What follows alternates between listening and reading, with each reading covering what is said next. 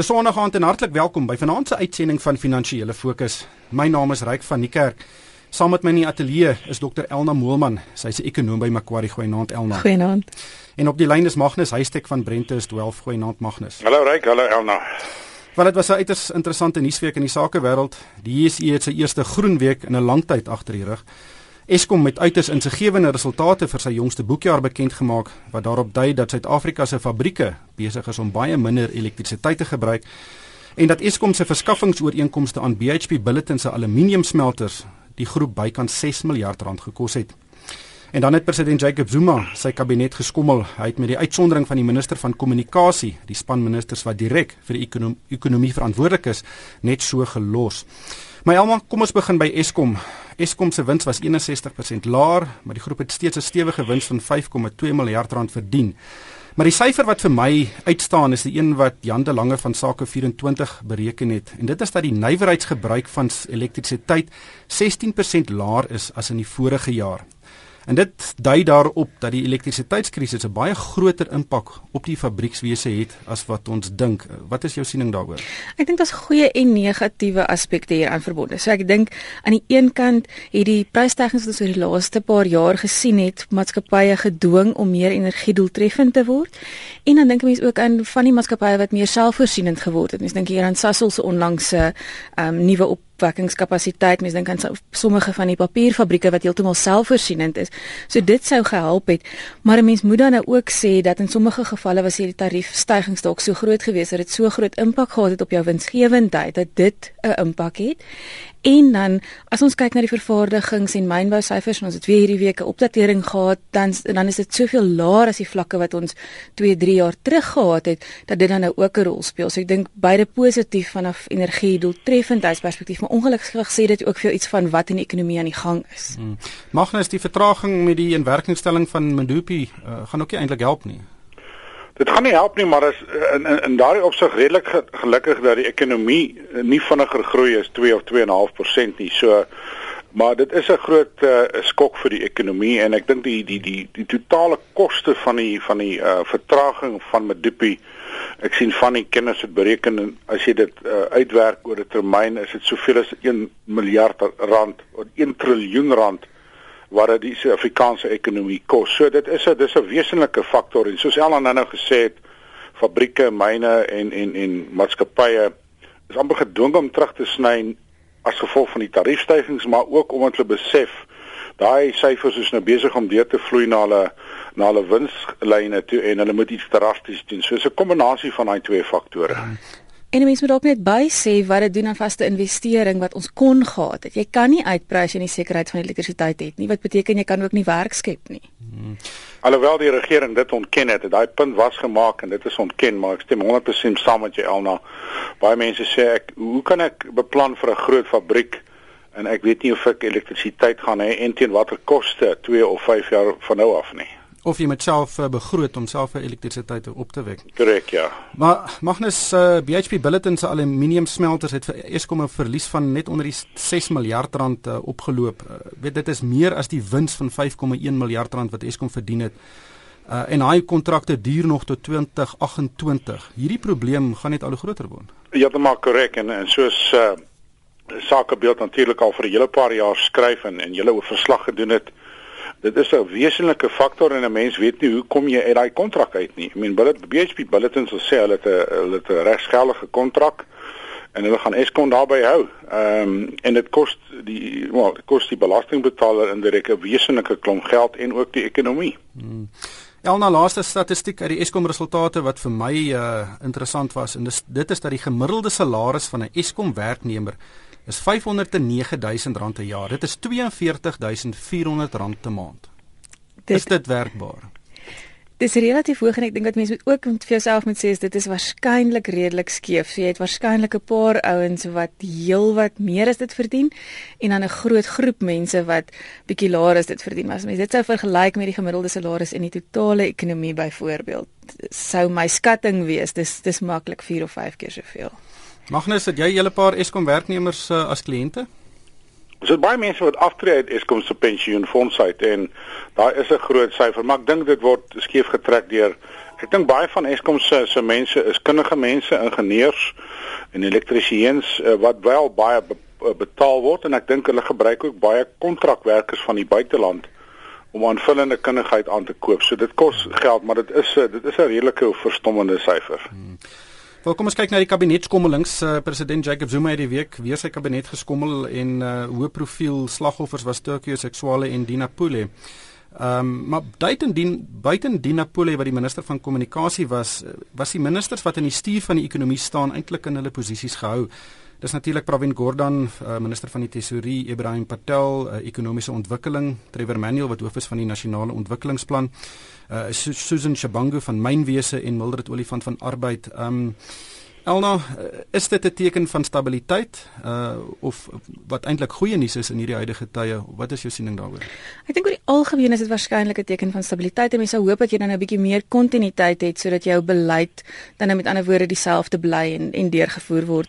Mens kan natuurlik debatteer oor die meriete van elkeen van hierdie op sy eie, maar ek dink die twee wat natuurlik vir die ekonomie veral belangrik is, is is beide die Reservebank wat wat onaangeraak is en buitekant hierdie skommelinge gehou word altyd en dan natuurlik nasionale tesourie en ek dink in daai twee gevalle het ons baie bekwame mense wat 'n goeie balans handhaaf tussen ek dink die ekonomiese oorwegings en die politieke belange. So dit het dalk ook 'n rol gespeel.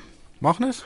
Ja, die kommunikasie ehm um, uh, uh, uh, portefeulje was baie insiggewend en nie verrassend nie want dit is 'n uh, dis 'n sektor soos soos Hilton Terrent van Moneyweb ook geskryf het 'n baie goeie artikel. Dit is 'n is 'n baie baie belangrike deel van ons ekonomie en in die afgelope paar jaar was dit net 'n nagmerrie in terme van strategie en in in in bepalinge en uitvoering van baie belangrike besluite en en ek is baie bly oor daardie aanstelling. Hmm. Kom ons kyk 'n bietjie na markte die JSE en wêreldmarkte. Dit baie positiewe week agter die rug eh, en is eintlik die eerste ligpunt in 'n hele paar weke. Ehm um, en is duidelik dat ons en ander ontleikende markte spring as Ben Bernanke sê die Amerikaanse ekonomie is nog siek. Uh, en dan val hy die markte weer as hy sê die Amerikaanse ekonomie herstel. Magnus is 'n taamlike unieke situasie. Wel ons sit in 'n situasie as jy na die globale prentjie kyk, bietjie weg van die dag tot dag verhandeling. Die afgelope 6 maande het het ontwikkelde lande soos die VSA veral en ook Europa en Japan baie beter gedoen as die op ontleikende lande, die sogenaamde BRICS. En daar is sprake van 'n groot rotasie van kapitaal wat sedert 2007 2008 uit die FSA in in daai lande gevloei het na die opkomende lande wat nou weer teruggesuig word na na na na hulle tuislande toe. En as jy kyk na die relatiewe opbrengste, ek, ek, ek kyk na die die die Dow Jones is op hierdie jaar met omtrent 16% in dollar terme en in dollar terme is die JSE af met 'n 'n hele paar persent. So um, dis die groot prentjie wat 'n mens moet dop. Dis baie bly uh, baie lekker dat ons mark skielik gespring het, maar ons is besig om terug te sak in dollar terme teen die groot markte.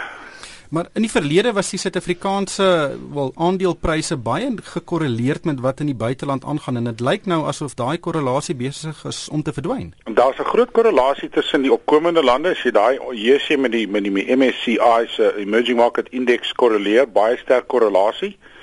Maar ons mark word vreeslik afgetrek as gevolg van die swak prestasie van ons hulpbronsektor wat die afgelope 2 jaar wesenlike verliese verlei. So daai die die die mynbou en hulpbron sektor is besig om om daai daai ver, verhouding te verbreek. Hmm.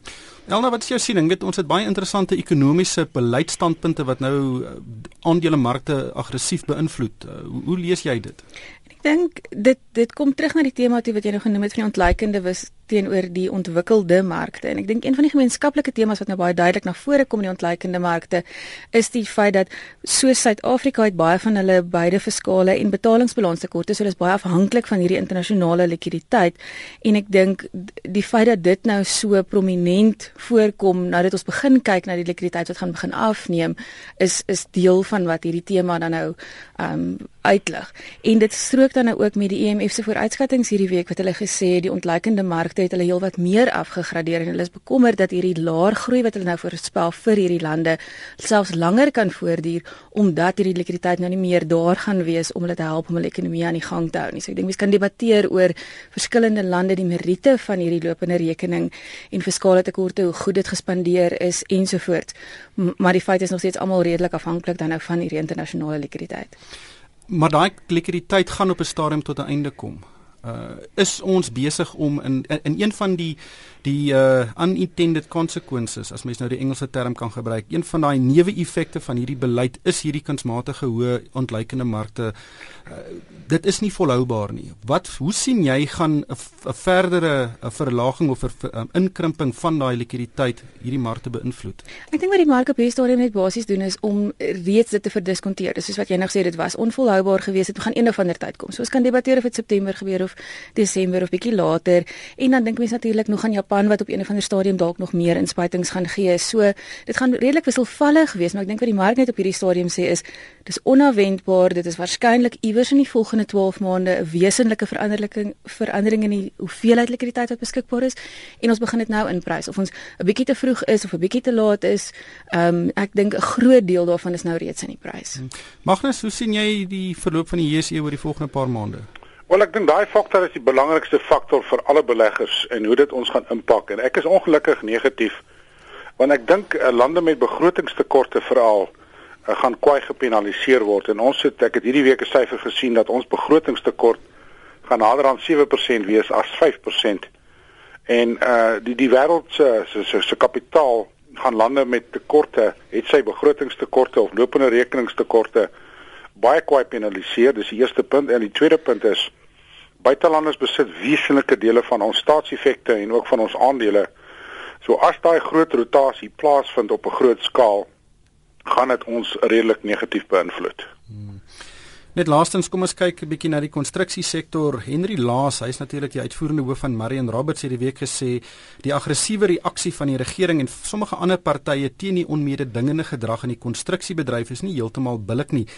Hy het gesê daar was uh, geen knoeiery kan verdedig word nie, maar die bedryf self het met die inligting oor die knoeiery vorendag gekom en dat net 'n baie klein persentasie van die konstruksiekontrakte eintlik betrokke is en dat die 1.5 miljard rand boete wat aan die bedryf opgelê is eintlik 'n baie groot deel van die winste verteenwoordig wat daai maatskappye uit daai kontrakte verdien het. En hy het interessant genoeg gesê dit lyk asof die konstruksiebedryf voor 'n vuurpeloton staan uh, en dat dit enige ander bedryf sal afskrik om op in om in dieselfde mate geknoeiery die inligting oor knoeiery bekend te maak. Elna, is dit is hy defensief of het hy 'n punt Pier? Ek dink dis dis is waarskynlik een kant van die saak en hulle is in 'n redelike moeilike situasie. Maar as 'n mens byvoorbeeld met die mededingingskommissie self praat, dan sou hulle weer argumenteer dat daar eintlik baie transaksies was waar daar een of ander knoeiery was wat uitgesluit was van hierdie goed totaal en al doeteenvoudig as gevolg van die tydsraamwerk waar binne hulle kon werk. So ek dink dis maar een kant van die saak en die feit is dat hulle skuldig is. Hmm, Magnus Kyk, ek dink Henry Laats kom uh in is in 'n baie moeilike posisie en ek dink hy doen die regte ding deur op te staan en te sê ons is jammer en dit het gebeur en dit sal nie weer gebeur nie en die uh meeste mense wat dit toegepas het is nie meer in die bedryf nie so hy hy's hy's redelik in 'n lekker posisie. Hy kan vingers wys na mense wat nie meer in die bedryf is nie. Maar jy weet uh, die die omvang was redelik groot en en ek dink dit was ook 'n uh, 'n baie lekker tydperk in terme van al die stadions wat gebou is en die paaie et cetera uh om om 'n knoeiery toe te pas as jy dit wou gedoen het. Maar hopelik is dit nou iets van die verlede en en uh, ek weet nie of van nog hofsaake gaan wees nie, maar hy is ook besig om so 'n bietjie bietjie beeld te bou teen al die negatiewe uh, kommentaar uh, op in in die media en dis meer. Maar is interessant, die regering se kapitale uitbreidingsprogram gaan binnekort, ons hoop binnekort in werking tree en hierdie selfde maatskappye sal betrokke wees. Wel ons het nie ander maatskappye nie, jy weet jou groot konstruksiemaatskappye is skaars. Dit is baie duur uh, om hulle op die been te bring. En wie anders gaan hierdie goederes bou as as ons groot konstruksiemaatskappye? Ongelukkig is dit alwaar ons tyd het. Baie dankie aan Dr Elna Moman van Macquarie en aan Magnus Huystek van Brentus Wealth. En vir my ryk van die kerk, baie dankie vir die saamkuier.